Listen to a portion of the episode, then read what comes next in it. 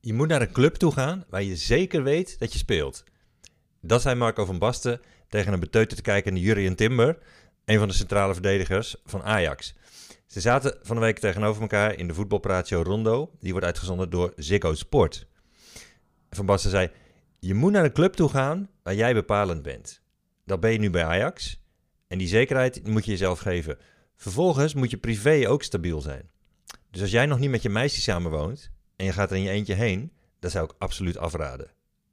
Je moet goed naar het buitenland gaan, zodat je daar niet reservespeler wordt. Want elke club waar jij naartoe gaat in het buitenland, die kleedkamer, die gaat tegen jou zeggen: Oké, laat maar zien dan.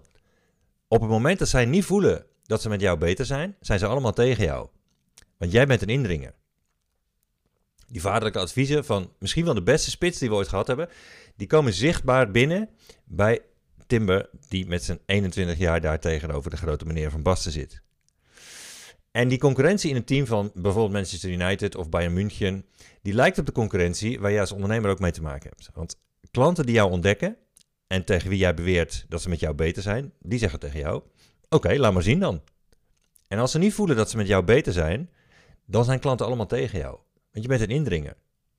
Dat gedrag komt door een voorkeur van het menselijke brein, die de psychologen je kunnen uitleggen. En dat is dat we de, het liefst hebben dat alles blijft zoals het is. Dat noemen ze ook wel de status quo bias. Waarom? Nou, alles laten zoals het is, dat is lekker veilig. En ondernemers die houden vaak weinig rekening met die afwachtende houding van klanten, wat gewoon natuurlijk menselijk gedrag is. Dat komt doordat ondernemers eigenlijk rare beesten zijn. Als ondernemer kun je je moeilijk voorstellen, want je bent zelf helemaal niet zo.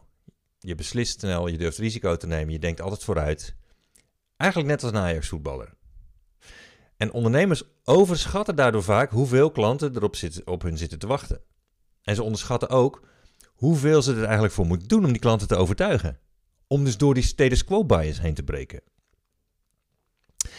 Als jij het zou willen, dan kan ik je helpen om aan je hele markt te laten zien dat ze veel beter zijn met jou. Met jouw diensten, met jouw trainingen, met jouw adviezen. Om jezelf op zoveel mogelijk manieren te onderscheiden, zodat iedereen het over jou heeft. Want klanten hebben dan geen reden meer om je te vergelijken met de concurrenten waar je nu nog last van hebt, want je valt in een andere categorie in hun ogen.